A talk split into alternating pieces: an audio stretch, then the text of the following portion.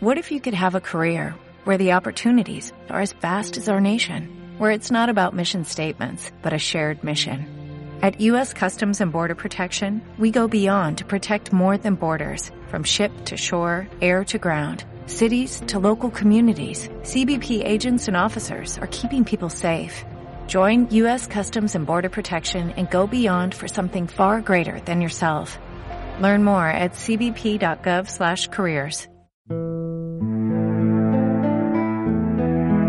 Catalunya Ràdio presenta 1714.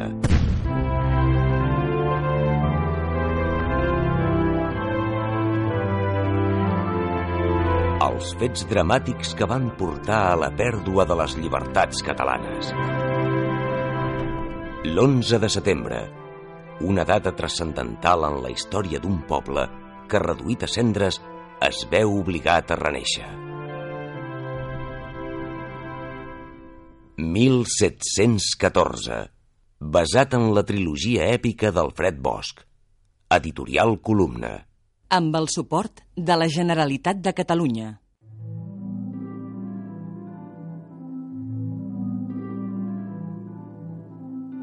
En el capítol anterior, Sinclair finalment viu l'entrada de les tropes del rei Carles a Madrid.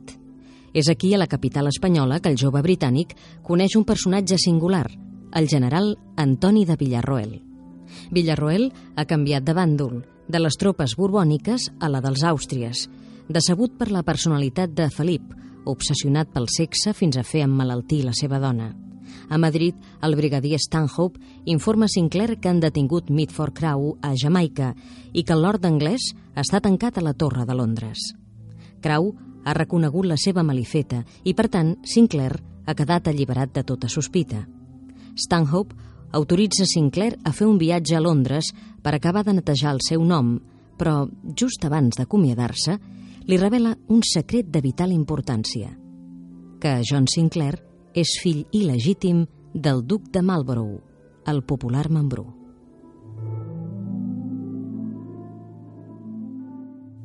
Capítol 10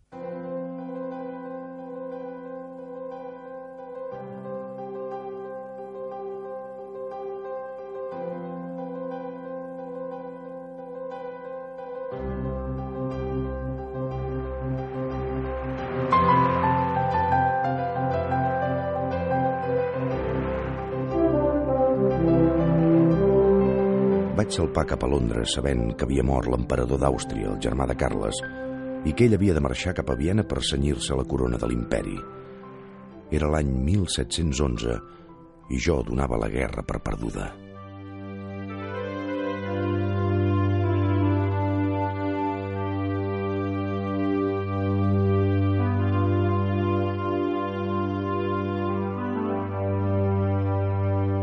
Vaig obtenir un permís de visita per poder entrevistar-me amb Crau a la presó. A la Torre de Londres, mentre m'esperava per veure'l, recordava la lenta i trista retirada dels aliats de Madrid quan la ciutat es va tornar hostil i els Borbons van rebre reforços francesos. Podeu passar. Seguiu-me.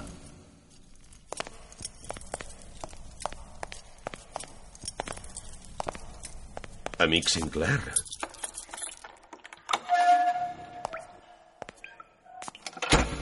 Crau, com vau poder? No veieu que em podíeu haver enviat a la ruïna? I els catalans? Aquells diners podien haver alterat el curs de la guerra. No sentiu ni un remordiment, ni la més remota reserva. A veure, fill. Un instrument del destí no es pot sentir culpable. Jo vaig fer el que em tocava. Vos també, i...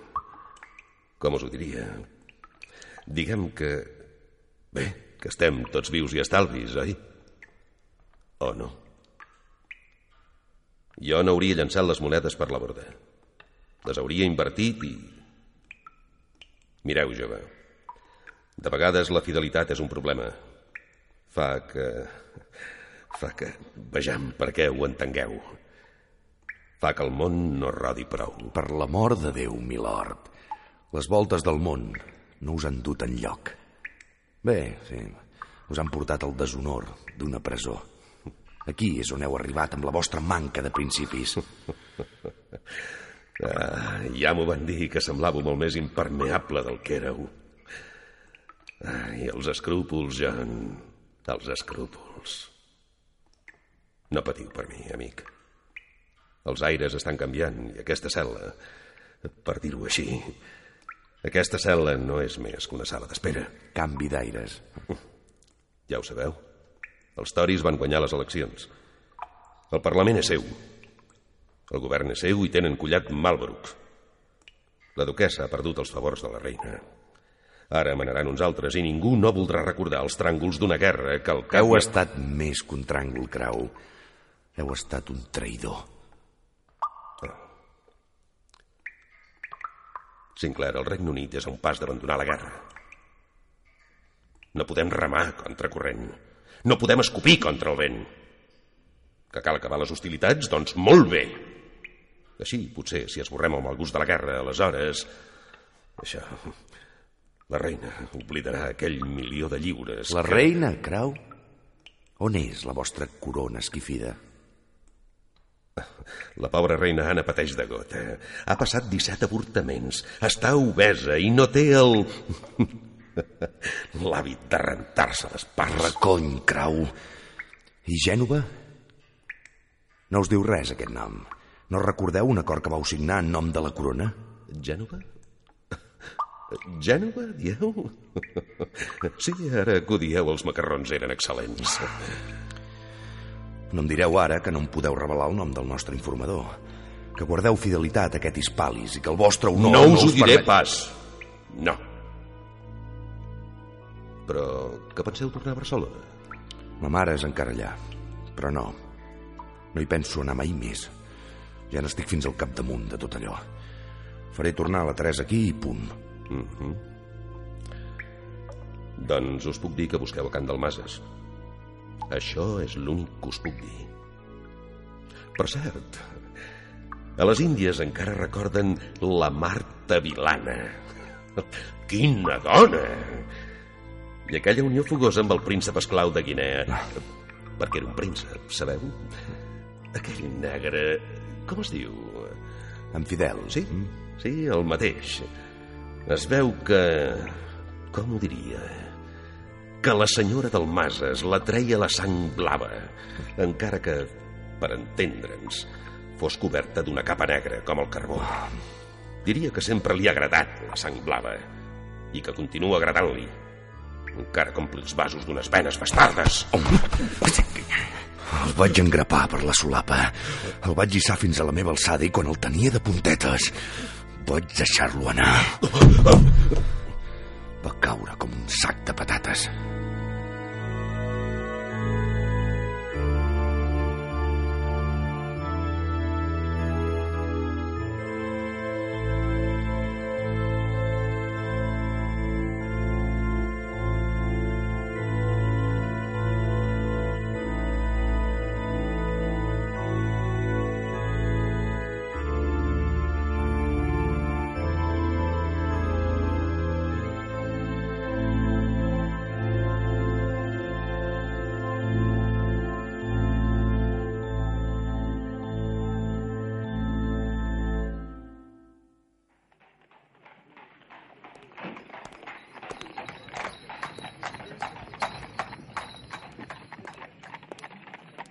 Després d'una hora de passejada per Londres, em vaig sentir prou serè per afrontar el segon compromís del dia.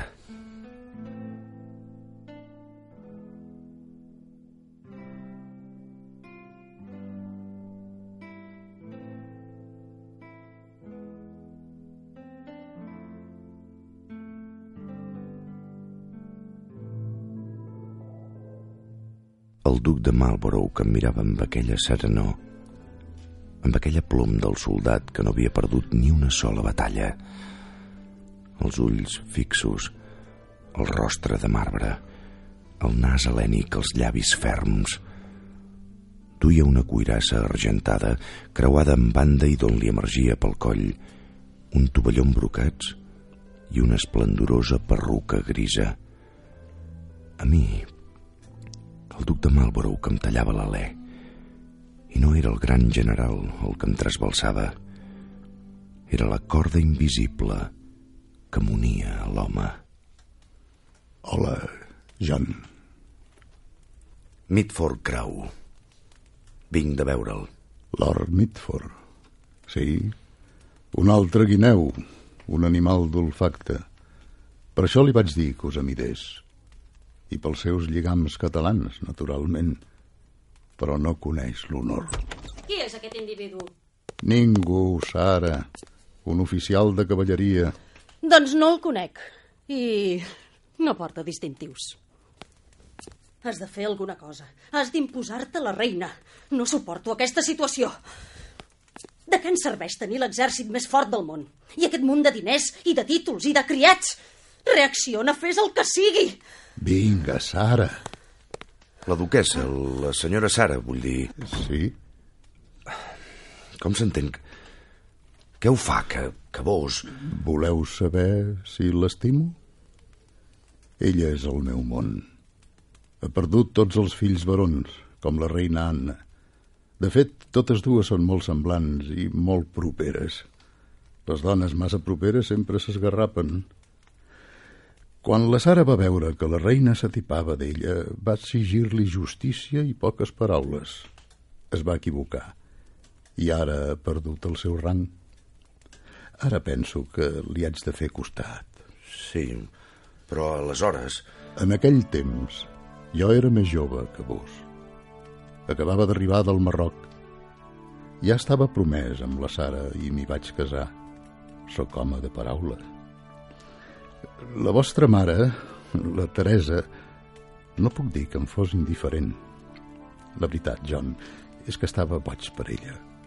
Però la Teresa em va deixar tan bon punt es va confirmar l'embaràs. Em va dir que si era un nen li posaria John i que marxaria a l'estranger. Des d'aleshores no va parar de voltar potser per oblidar o potser per protegir el meu bon nom. Jo sempre us vaig buscar. I quan vaig saber que éreu a Londres vaig parlar amb ella i la vaig convèncer d'enviar-vos a Barcelona. No volia de cap manera que el meu únic fill mascle passés la vida entre coixins de seda. No em reconeixereu mai. En públic, vull dir. La Sara us esclafaria.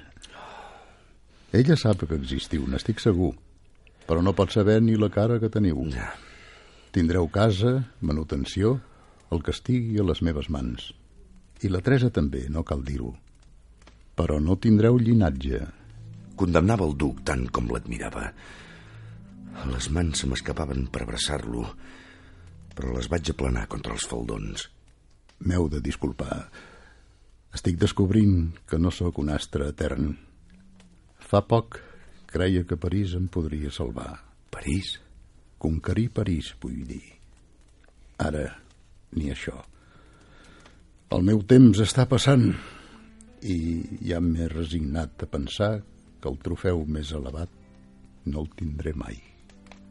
París. No. Tu.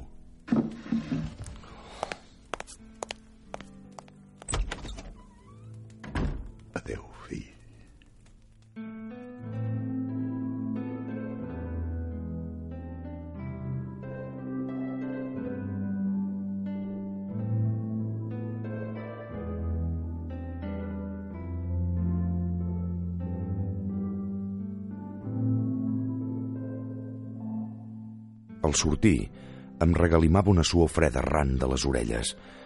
Vaig apressar la marxa i vaig arribar al llac de la Serpentina. Estava sense lei, tenia totes les preguntes del món al cap. Vaig seure a la gespa i vaig treure una petita nota de la butxaca. Abandonat, apàtrida i orfe. Estava sense pare, sense feina i tenia la mare malalta a l'altra banda de la terra. A Barcelona ho tenia tot. Ma mare i mig país en peu de guerra. Tot el meu món eren dues víctimes del temps.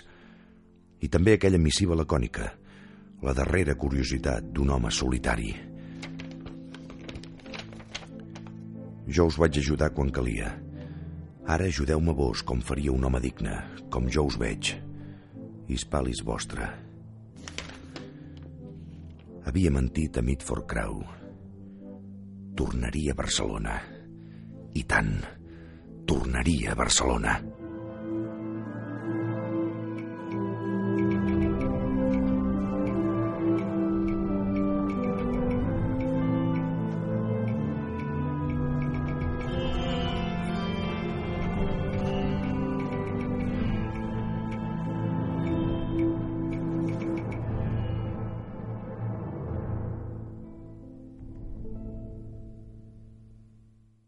Fins aquí el capítol 10.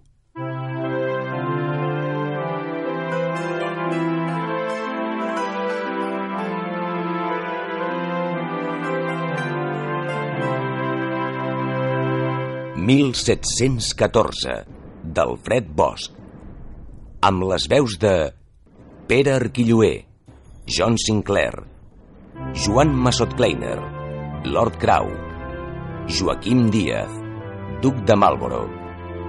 Lluïsa Mallol, duquessa de Marlboro. 1714. Producció Helena Corderes. Ajudantia David Pintor. Música original Àngel Martínez. Guió Sílvia Soler. Adaptació radiofònica Sílvia Soler i Dolors Martínez. Muntatge Manel Bernat. Direcció i realització Dolors Martínez.